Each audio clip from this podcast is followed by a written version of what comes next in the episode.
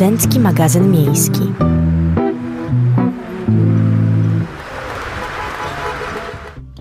Cześć, dzień dobry. Na naszych zegarkach jest już 17.06, co oznacza, że przyszła pora na kolejny studencki magazyn miejski, który poprowadzą dziś dla Was E, Paweł Noczewski. Igor Dybich, e, a naszym realizatorem będzie dzisiaj Antek Szot.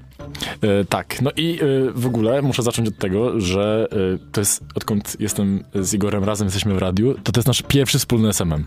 Tak, pierwszy wspólny SMM, ale ja pamiętam, że ty mnie wprowadzałeś do tego radia. Z tobą miałem pierwszy serwis, ale widzisz, jednak na SMM musiałem znacznie dłużej czekać. Słuchaj, no musieliśmy sobie nawzajem zasłużyć na ten SMM, także e, nie, nie zwlekamy. Dzisiaj przed nami wiele e, ciekawych rzeczy. Przede wszystkim będziemy mieli e, gościnie, e, ale to w późniejszych wejściach połączymy się telefonicznie z, paną, z panią Anną Kozanecką. Tak, ale na to musicie jeszcze trochę poczekać. E, Na razie może przejdźmy do punktu stałego e, tej audycji, czyli imienin. Oj tak, dzisiaj e, imienin bardzo dużo. Wiele osób w całej Polsce obchodzi imieniny. Z tych bardziej popularnych to Irena i Waldemar. Wszystkim Waldemarom i Irenom składamy serdeczne życzenia. No ale poza tym także Gotard, Anioł, Benvenut, Chociemir, Eulogia, Eulegiusz, Eutymiusz. E, Geroncjusz, Hilary, Ireneusz, Iryda, Jowinian, Maksym, e, Nicetas, Penelopa, e, Peter, Petegryn, Pius, Stanisław, Stanisława, Teodor, Zdzibor i Zdziebor. Tak, wiele trudnych imion, wiele trudnych e, słów do wypowiedzenia, ale e, myślę, że możemy tak e, zażartować sobie, e, że przywitamy się bienvenue, to po francusku, a Benvenut ma dzisiaj urodziny. Także to taki żart sobie wymyśliłem. I oczywiście udał ci się. Tak, oczywiście wszystkiego dobrego, składamy najserdeczniejsze życzenia e, wszystkim solenizantom. E, no cóż, a teraz może kartka z kalendarza. Myślę, no że to jest dobry moment, no to. Po pierwsze, w 1829 roku otwarto Bibliotekę Raczyńskich w Poznaniu. Szybka matematyka, nie jestem w stanie policzyć, to będzie 94, 96 lat. Dobrze mówię? 96 lat? Y, Nie, 196. 196. 296. A, no widzisz nawet. E, dobrze mówię? 296? Nie, 196. 196 lat. Tak, 196 lat. E, 1939 e, minister spraw zagranicznych Józef Beck odrzucił w przemówieniu sejmowym żądania Niemiec włączenia Gdańska do III Rzeszy i wyznaczenia eksterytorialnych linii komunikacyjnych. Także to... E, No takie ważne historyczne wydarzenie, które poniekąd można uznawać za taki pretekst do wypowiedzenia wojny, chociaż e, znaczy myślę, że ta kwestia jest Myślę, że e, dość historycy- wątpliwa, że gdyby mm, przyjął te żądania, to, to wojna tak czy inaczej by wybuchła. Myślę, że tak. Myślę, że to był, tak jak mówisz, pretekst, e, a e, historycy chyba są zgodni albo niezgodni, nie wiem. Chociaż mogłoby to trochę zmienić losy wojny, bo mm, to wydarzenie na przykład mogło przerzucić, e, rozpocząć wojnę w ogóle od frontu, frontu zachodniego. A Dokładnie. dopiero później byłby atak na Polskę, więc no. No ale wiesz. Wydarzenie jest- na pewno to- to ważne i tak- znaczące. To jest tak zwane gdybanie. E, Nam teraz łatwo oceniać, e, no bo patrzymy z innej perspektywy na to, prawda? E, Niemniej decyzja Józefa Becka e, wtedy niezwykle odważna i no, ważna. E, 2005 y, po raz pierwszy maturzyści trzyletnich szkół średnich pisali maturę według zasad tak zwanej nowej matury, którą też my pisaliśmy. E, To była ta sama matura? Już mówię? Tak, na pewno tak. Znaczy my, e, tak, tą nową już. My pisaliśmy Mhm. tą nową. To jest cały czas ta Em, sama matura, tak. z tym, że u nas była ona wyjątkowa, bo po pierwsze, my jesteśmy obaj e, maturzystami z roku 2020, I nasz realizator też, Antek.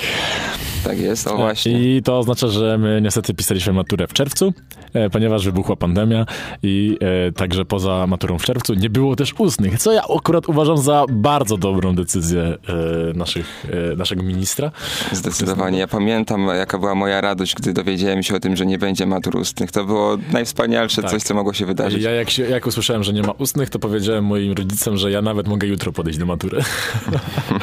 e, tak. E, no i właśnie tam, ten temat matury nie jest przypadkowy ym, dzisiaj, bo y, będziemy też o maturze wspominać, ale e, to na pewno będziemy e, robić e, na koniec audycji.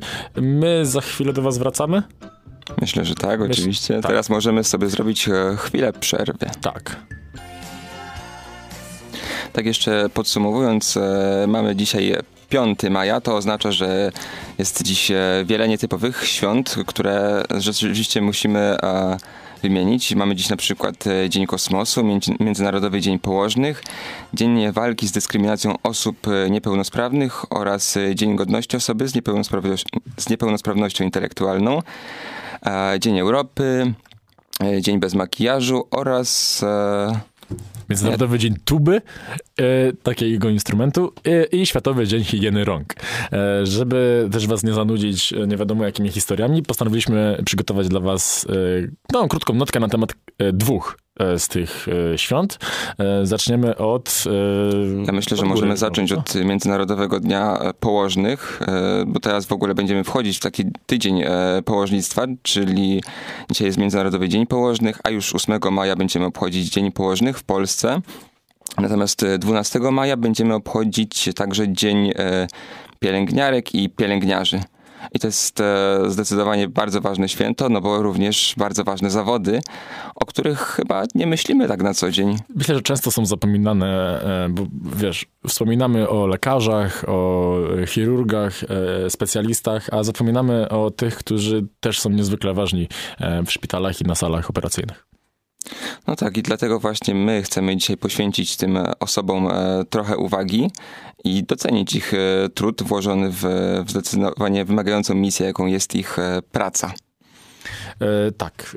E, Dzień bez makijażu to jest drugi. E, w ogóle wszystkim położnym e, też składamy wszystkiego, co najlepsze. Tak, zdecydowanie.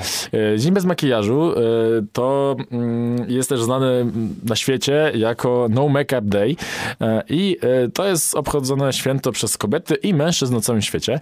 Mm, jego celem jest wypromowanie zdrowego, takiego naturalnego piękna, zdrowia skóry, samoakceptacji i podniesienie świadomości na temat presji społecznej. E, szczególnie w kontekście tego, jaka presja duża na, na, jakby na, nakładana jest na e, kobiety, żeby ich cera była zawsze gładziutka, żeby zawsze ładnie wyglądały, a to nie o to chodzi. Bo oczywiście, jeżeli ktoś się dobrze czuje w makijażu, jak najbardziej. To chodzi o to, żeby czuć się dobrze, ale też e, Dzień bez makijażu ma na celu zwrócić uwagę na to, że e, można być naturalnie pięknym, e, nie trzeba poprawiać makijażem. Ponadto też dzień bez makijażu robi dobrze dla naszej skóry, bo jednak środki do makijażu często mają zły wpływ na naszą cerę. No i też samoakceptacja, tak szeroki temat E, ponieważ e, często z tą samą, samą akceptacją, e, szczególnie w dzisiejszych czasach, jest trudno. Mm, dlatego ten dzień ma na celu przypomnieć wszystkim, że wartość osoby nie zależy od jej wyglądu. Także. Mm, Takie mało, mało popularne święto. Ja przyznam, że nie słyszałem o nim wcześniej, ale myślę, że zdecydowanie bardzo ciekawe i no, rzeczywiście trzeba zwrócić uwagę na to, na, to, na, na kwestię naturalnego piękna i tych pozornych niedoskonałości, które właściwie są takimi naszymi cechami indywidualnymi, które, które również e, czynią nas e, pięknymi. Także e, wrzucajcie zdjęcia na swojego Instagrama czy social media z hashtagiem No Makeup Day i akceptujcie się takimi, jakimi jesteście. My na ten moment schodzimy, żeby połączyć się z naszą gościnią, z panią Anną Kozanecką ze Szlachetnej Paczki.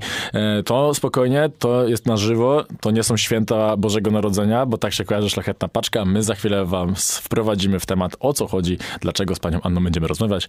Wy zostańcie w objęciach muzyki. Wracamy już po przerwie. Jest y, z nami pani Anna Kozanecka. Długo wyczekiwany moment, który zapowiadaliśmy już y, wcześniej. E, no i cóż, pani Anna, czyli koordynatorka regionalna w Akademii Przyszłości, specjalistka do spraw promocji oraz liderka zespołu Szlachetnej Paczki. I w dzisiejszym... Dzień dobry. I w dzisiejszej rozmowie chcielibyśmy skupić się na, głównie na analizie danych e, opublikowanych przez e, Szlachetną Paczkę, która dotyczy lęków i obaw Polaków. No i właśnie, to pierwsze główne pytanie. Czego właściwie obawiają się Polacy? E, z analiz, które udało nam się e, też zdobyć jako stowarzyszenie, e, bardzo dużo Polaków, niestety, no, biorąc pod uwagę dzisiejsze czasy, przede wszystkim około 50% osób boi się rosnącej inflacji, w tym też spadku wartości pieniądza około 33,9%. Na pewno boi się rosnących cen elektrycznych, około 38% chorób najbliższych, 33,7% chorób i utraty własnego zdrowia. Dużo też Polaków się boi też sta, samotnej starości. I to niestety, no to, to jednak nasz problem polega też na tym, że my po prostu jako stowarzyszenie też nie chcemy e, jakby, no nam zależy przede wszystkim na pomocy naszym podopiecznym, którzy są potrzebujący, a te statystyki są troszeczkę dla nas przerażające na ten moment i wiemy, że te osoby po prostu żyjące w takich, e, z, taką, z takim strachem, no to to już nie jest strach, tylko takie codzienne ich życie, gdzie oni się cały czas tego obawiają, a my cały czas próbujemy gdzieś, gdzieś im pomagać i chcielibyśmy właśnie iść w drugą stronę. Wspomniała Pani o e, tych statystykach. E, jak one wyglądają e, na przestrzeni ostatnich na przykład kilku lat? Czy one się zmieniają, e, mają tendencję wzrostową, zmniejszają się? Jak to wygląda? Znaczy niestety w obecnych czasach e, te statystyki rosną w tą niekorzystną e, stronę. Według naszych prognoz na ten moment żyjących osób w takim skrajnym ubóstwie w 2022 roku mogło się nawet zwiększyć o nawet 54%.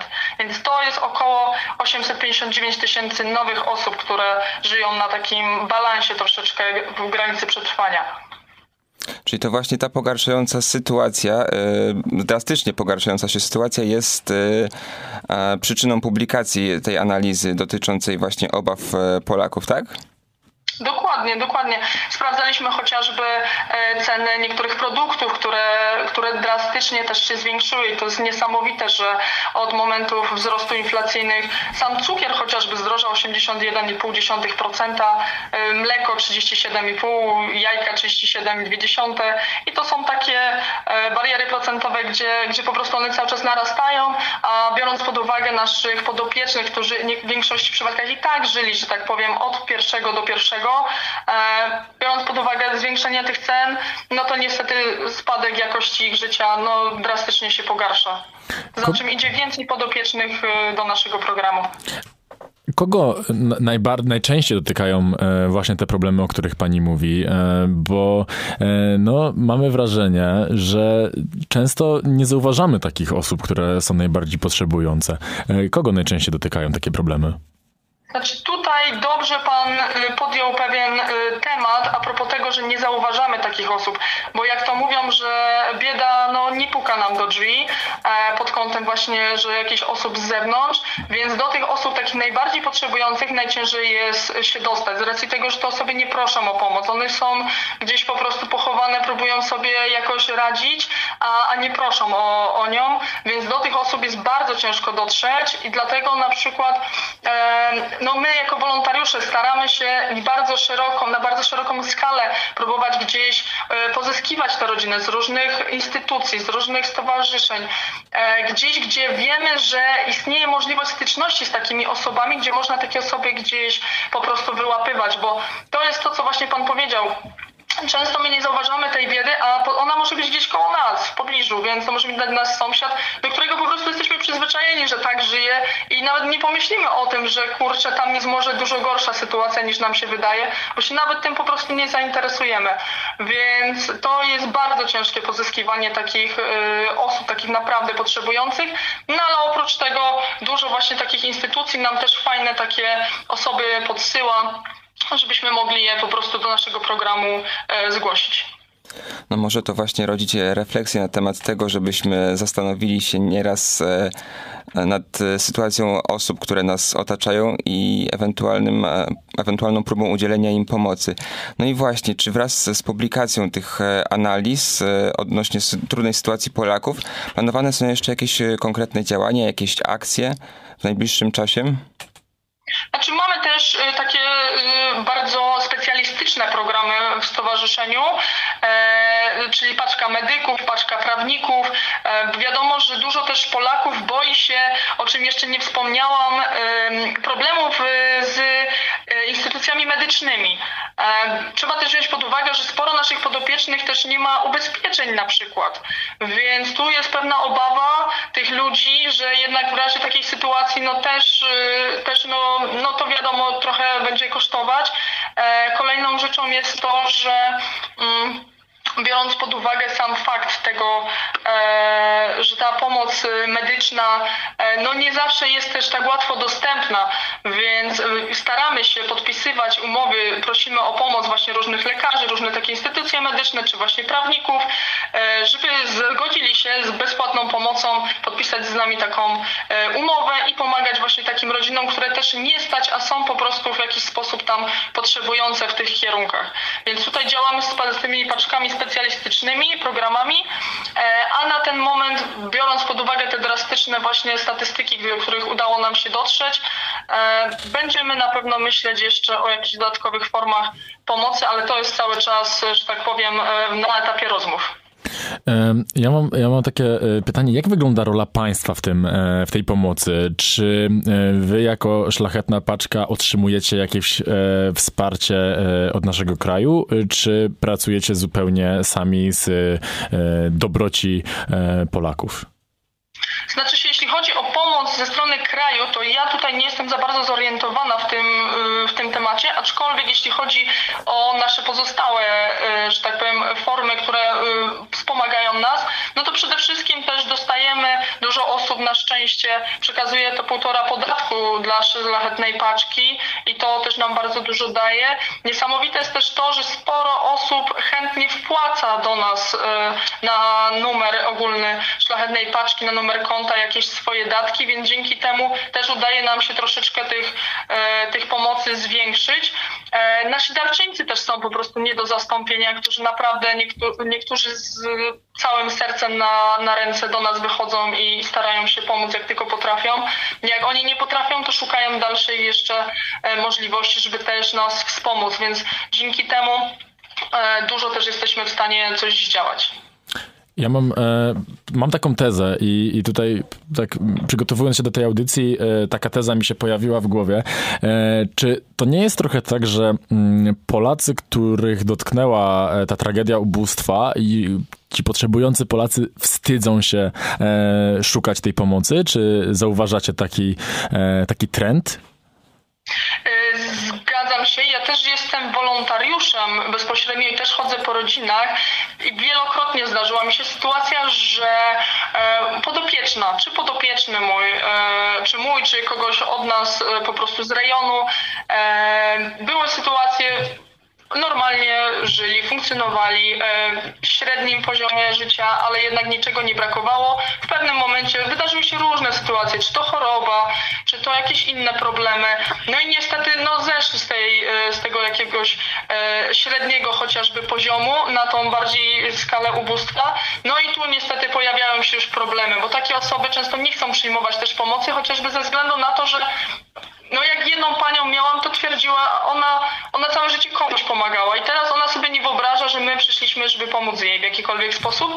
E, I takie osoby tym bardziej się ceni, bo nie zwracają uwagi na to, że, że im jest źle, bo dalej twierdzą, że inni mają gorzej, żeby pomagać innym. Nie patrzą na siebie, tylko dalej jednak próbują nas wypchnąć gdzieś, gdzie, gdzie jednak ta bieda jest jeszcze większa według nich, chociaż mimo to, że oni też już się wtedy kwalifikują na jakąkolwiek pomoc. No i to wtedy najczęściej lecą łzy, jakieś momenty takie wzruszenia, nie, niedowierzenia. I nawet się zdarzyło nam, że musieliśmy przekonywać pewne osoby, że się kwalifikują do udziału w szlachetnej paczce, do tej pomocy od nas, e, bo one po prostu wypierały to.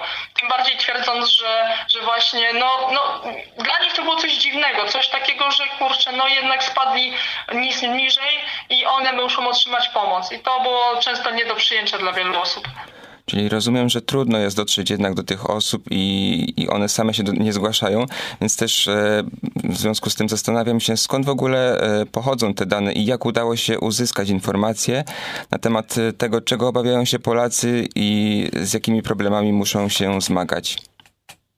Znaczy, jeśli chodzi o te dane, które mamy, statystyki, one są bardzo dość obszerne. Można je znaleźć na stronie e, Szlachetnej Paczki. One są ogólnodostępne, więc jak najbardziej zachęcam, jeśli ktoś by chciał sobie spojrzeć, poczytać.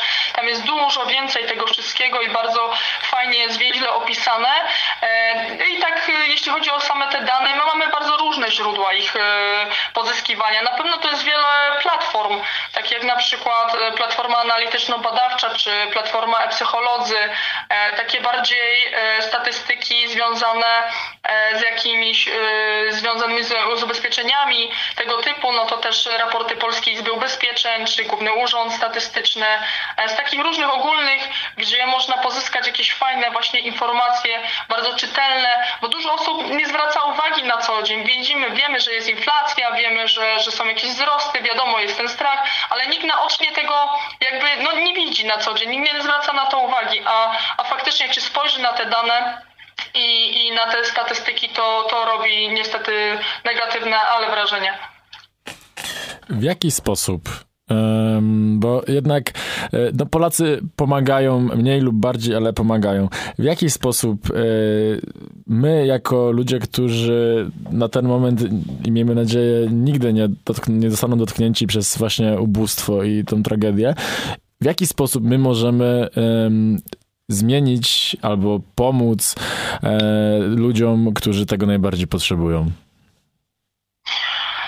Znaczy się tak, przede wszystkim musimy otworzyć oczy też na, na to, co się dzieje wokół nas, bo niestety tego nie zauważamy. E, dużo osób też jest e, niepełnosprawnych. My mamy też często zmylne takie myślenie, że oni tutaj miasto pomaga, czy, czy kraj, czy jakieś dofinansowania, ale to też nie jest do końca tak, bo często niestety są różne sytuacje, gdzie, gdzie czy to właśnie choroby, czy niepełnosprawność, czy jakieś inne sytuacje losowe, gdzie no niestety to wszystko, ta pomoc jakakolwiek, która do tych osób dociera, no to nie jest wystarczające. E, musimy na to przede wszystkim zwracać uwagę, tak, że no tak, e, tak jak mówiliśmy wcześniej, e, to ubóstwo no też nie prosi o pomoc, nie wychyla się, nie, nie macha do nas, że, że potrzebują tej pomocy, aczkolwiek my musimy jednak zwracać na to bardzo uwagę, mm, biorąc pod uwagę, że jesteśmy tymi wolontariuszami, chcemy bardzo takim ludziom pomóc, a, a też ze swojej perspektywy wiem, że to nie jest łatwa praca. Różne rzeczy przechodzimy z tymi rodzinami, różne rzeczy, różne historie, z różnymi historiami się spotykamy, więc jeśli chodzi o, o sam wolontariat, to bardzo serdecznie zachęcam, żeby, żeby brać udział jako wolontariusz, żeby zobaczyć jak to wygląda.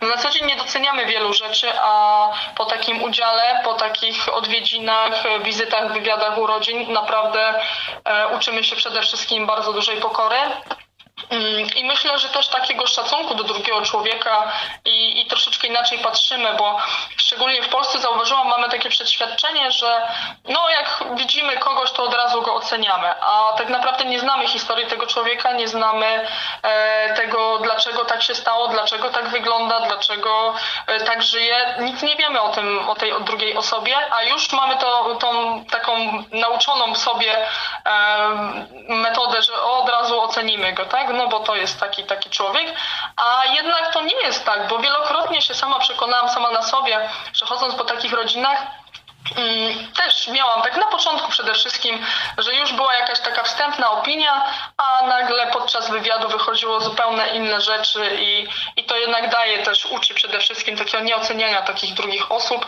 a więc y, no, to polski naród jest troszeczkę tak skonstruowany, ale myślę i mam nadzieję, że z czasem po prostu zaczniemy troszeczkę to zmieniać i bardziej będziemy wyczuleni, bo biorąc pod uwagę mm, to, że w naszym kraju jest duża znieczulica niestety, liczę, że to się po prostu z czasem zacznie w jakikolwiek sposób zmieniać. Tak więc e, wniosek płynie z tego taki, że e, nie oceniajmy, nie krytykujmy, pomagajmy i po prostu bądźmy wrażliwsi na, na ludzkie cierpienie. E, no i właśnie też wspomniała Pani o pracy w wolontariacie, o, o pomocy i myślę, że to będzie e, dobry moment, aby zrobić krótką przerwę i wrócić do tego tematu już za chwilę. Jesteśmy z powrotem. To jest studencki magazyn miejski. Przypominamy, że naszą gościnią jeszcze przez, no myślę, dobrych kilka no może nawet 10 minut, e, jest e, pani Anna Kozanecka, koordynatorka regionalna w Akademii Przyszłości, specjalistka do spraw promocji i liderka zespołu Szlachetnej Paczki. Ten tytuł niesamowicie długi. My rozmawiamy o Szlachetnej Paczce. Przypominamy, że Szlachetna Paczka, choć kojarzy się ze świętami, to nie tylko w święta, e, w święta działa, cały rok. No i właśnie o tą pracę teraz troszeczkę zahaczymy i panią Annę podpytamy. No więc właśnie zakończyliśmy na temacie wolontariatu i form pomocy, więc y, jakie są te formy pomocy? Jak jeszcze można pomagać? Co możemy robić? E, znaczy, jeśli ja zachęcam jak najbardziej, tak jak już mówiłam, do wolontariatu. To, to niesamowicie uczy i rozwija, oprócz tego, co wcześniej wspominałam. E, co jeśli chodzi o pomoc? Przede wszystkim, jeśli tak jak mówiliśmy wcześniej, otwieramy te oczy, zwracamy uwagę na potrzebujących, zgłosić ich w okresie, kiedy zbieramy zgłoszenia, zgłosić takie osoby do szlachetnej paczki. E, wiadomo, to nie jest przymusowe. Jeśli taka osoba, oczywiście poinformować ją najlepiej o tym, że, że chcemy ją zgłosić, e, taka osoba zawsze może się wycofać. Czy wolontariusz, który najpierw zadzwoni, ta osoba też może powiedzieć, że, że jednak odmawia takiej pomocy i tak też nam się zdarzało. Więc to nic złego się nie dzieje, aczkolwiek jednak próbować, tak? Próbować zgłosić, a, a nie po prostu kogoś zostawić, że tak powiem, na taką trochę pastwę losu, e, że co będzie, to będzie, a, a program e, działa dalej. Mm, oprócz tego, tak jak już mówiłam, można chociażby te 1,5% podatku przeznaczyć na szlachetną paczkę. Mamy e, numer konta e, szlachetnej paczki, gdzie możemy wpłacać też. E, możemy zostać darczyńcą i a propos właśnie e, też tego bycia darczyńcą, to nie jest tak, że żeby być darczyńcą trzeba być od razu milionerem, bo to też nie na tym polega. Mamy darczyńców, które na przykład to jest zgłoszona szkoła i, i cała szkoła się angażuje, cała szkoła coś przynosi, czy to są firmy chociażby. E, to nie jest tak, że to muszą być pojedyncze osoby, tak samo e, osoby prywatne, tak? E, mamy wiele na przykład rodzin, które całymi rodzinami właśnie robią takie paczki, tworzą, mm, czy znajomi. Często jest tak, że po prostu jakieś osoby organizują, ale na przykład piszą, ogłaszają, że robią zbiórkę i, te, i pozostali się składają na te zbiórki i z tego jest tworzona paczka. To nie jest wcale tak, że to musi być jedna pojedyncza osoba i wydać nie wiadomo też ile, bo w systemie i w bazie rodzin mamy naprawdę najróżniejsze historie po, powypisywane i wcale nie trzeba brać rodziny wielodzietnej czy, czy dużej jakiejkolwiek rodziny, tylko może być to osoba samotna, można obdarować jakiegoś seniora samotnego, e, bo niestety tych seniorów też mamy bardzo dużo i, i to tak naprawdę jest bardzo, że tak powiem, możliwości jest bardzo wiele, żeby pomóc szlachetnej paczce. Czy właśnie ten wolontariat, czy chociażby właśnie te wpłaty, czy, czy przeznaczenie tego podatku, czy bycie darczyńcą, czy nawet e, zachęcenie innych do, do pomocy w szlachetnej paczce, czy e, można się zgłosić też jako kierowcy w weekend e, cudów, żeby, żeby pomóc rozwozić, jeśli ktoś ma takie możliwości, ma jakieś samochody, jakieś większe samochody, czy nawet osobówki często się zdarza, bo do tych mniejszych takich rodzin, czy, czy właśnie samotnych, to często te paczki się mieszczą, takie osobówki, więc jak najbardziej tych opcji jest bardzo dużo, żeby, żeby się zaangażować i w jakikolwiek sposób pomóc. No i wspomniała też Pani o, o tym, że właśnie bez względu na to, jak, jakie są formy pomocy, warto pomagać, e, nieważne w jaki sposób. E, na przykład e, można przekazać 1,5% podatku e, na szlachetną paczkę. PIT można było rozliczyć co prawda do 2 maja, ale oczywiście w, w kolejnych latach do tego zapraszamy. KRS dostępny jest e, na stronie szlachetnej paczki.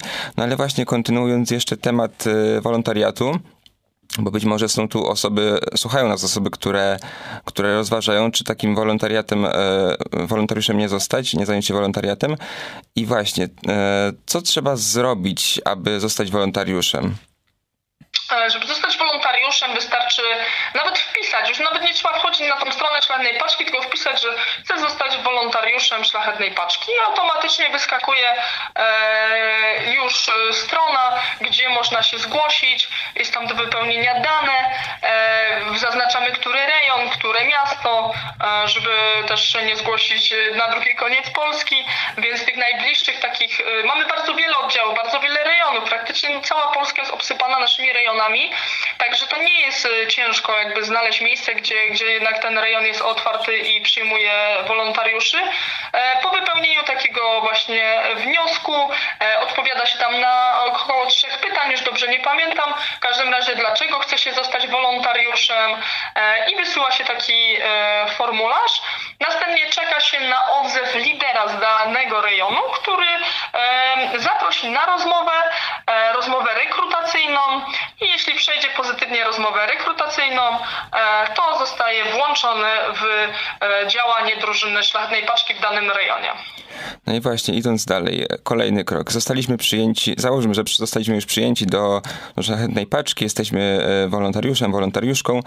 I teraz, jak wygląda praca w szlachetnej paczce, jakie obowiązki należą do wolontariuszy oraz ile czasu należy poświęcić na, na taką pracę?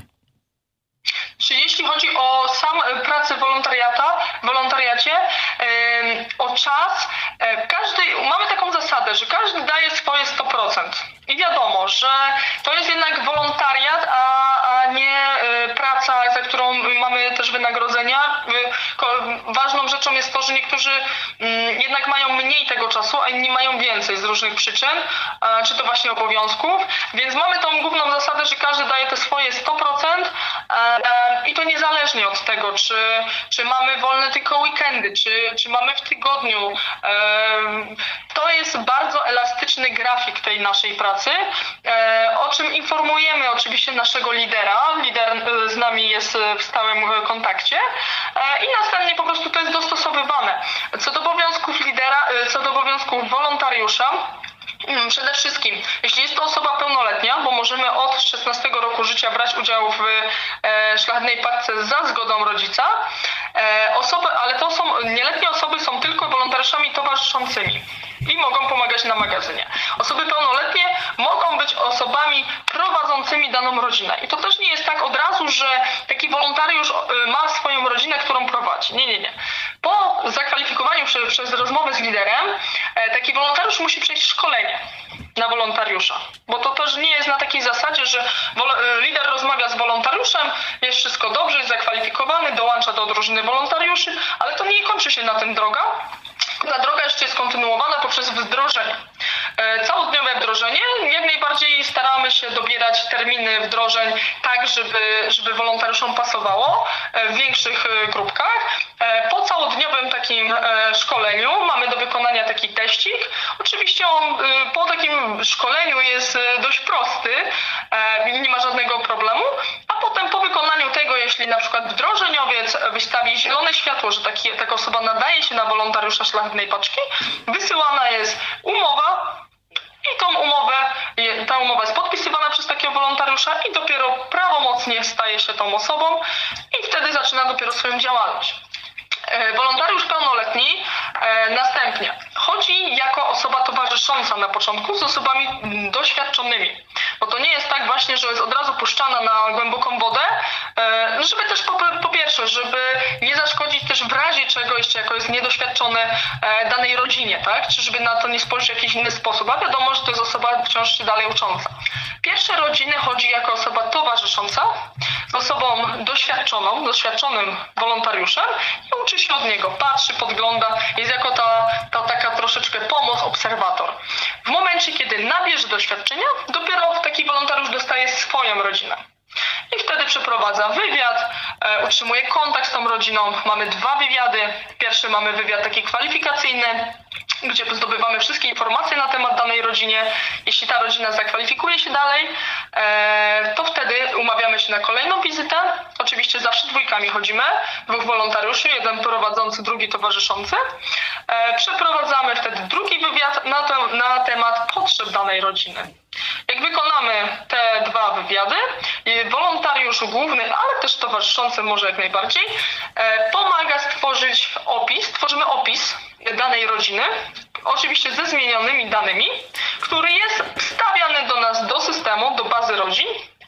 E, specjalista do spraw opisów czyta taki opis, sprawdza go, czy jest dobrze, prawidłowo wykonany. Jeśli jest wszystko w porządku, on zostaje opublikowany i wtedy czekamy, taki wolontariusz czeka na swojego darczyńcę dla, dla swojej rodziny. Jeśli taki darczyńca się znajdzie, to to wolontariuszowi się wyświetla w systemie. Oprócz tego dostaje na maila naszego takiego e, paczkowego informację, że znalazł się darczyńca dla rodziny. E, wolontariusz ma za zadanie skontaktować się z takim darczyńcą i być z nim w stałym kontakcie aż do naszego weekendu cudów. Czyli pomaga przygotowywać darczyńcy paczkę, rozwiewa wszystkie wątpliwości, e, pomaga w samym opakowaniu, że tak powiem, o cała taka otoczka związana z, z tworzeniem tej paczki do momentu przywiezienia na magazyn tej paczki. Najczęściej to wolontariusz właśnie prowadzący wita takich wolontariuszy, takich darczyńców, dziękuję im. Darczyńcy też często dostają jakiś upominek od nas, czy to dyplom, czy jakieś inne rzeczy, w zależności od rejonu. Wykonujemy taką rozmowę wolontariusz prowadzący najczęściej, czy to, to towarzyszący, czy we dwójkę.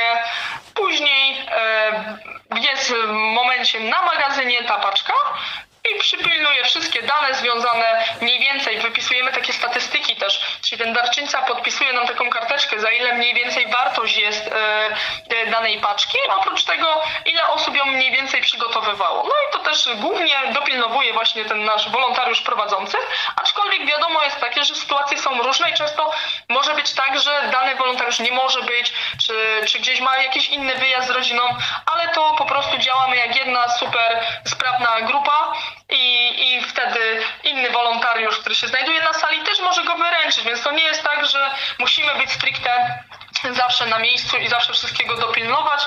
Jak się tak zdarzy, wiadomo, zawsze ktoś komuś pomoże, ktoś się czymś zajmie, nic takiego się nie stanie, ale jeśli tak jak pytacie o te obowiązki, e, to następnie taki wolontariusz jedzie z tą paczką, gdy będzie ta kolej tej paczki, żeby na wyjazd, umówimy się z rodziną, który dzień i o której mniej więcej godzinie, żeby rodzina była też przygotowana i była w domu. Jedziemy na miejsce z tą paczką,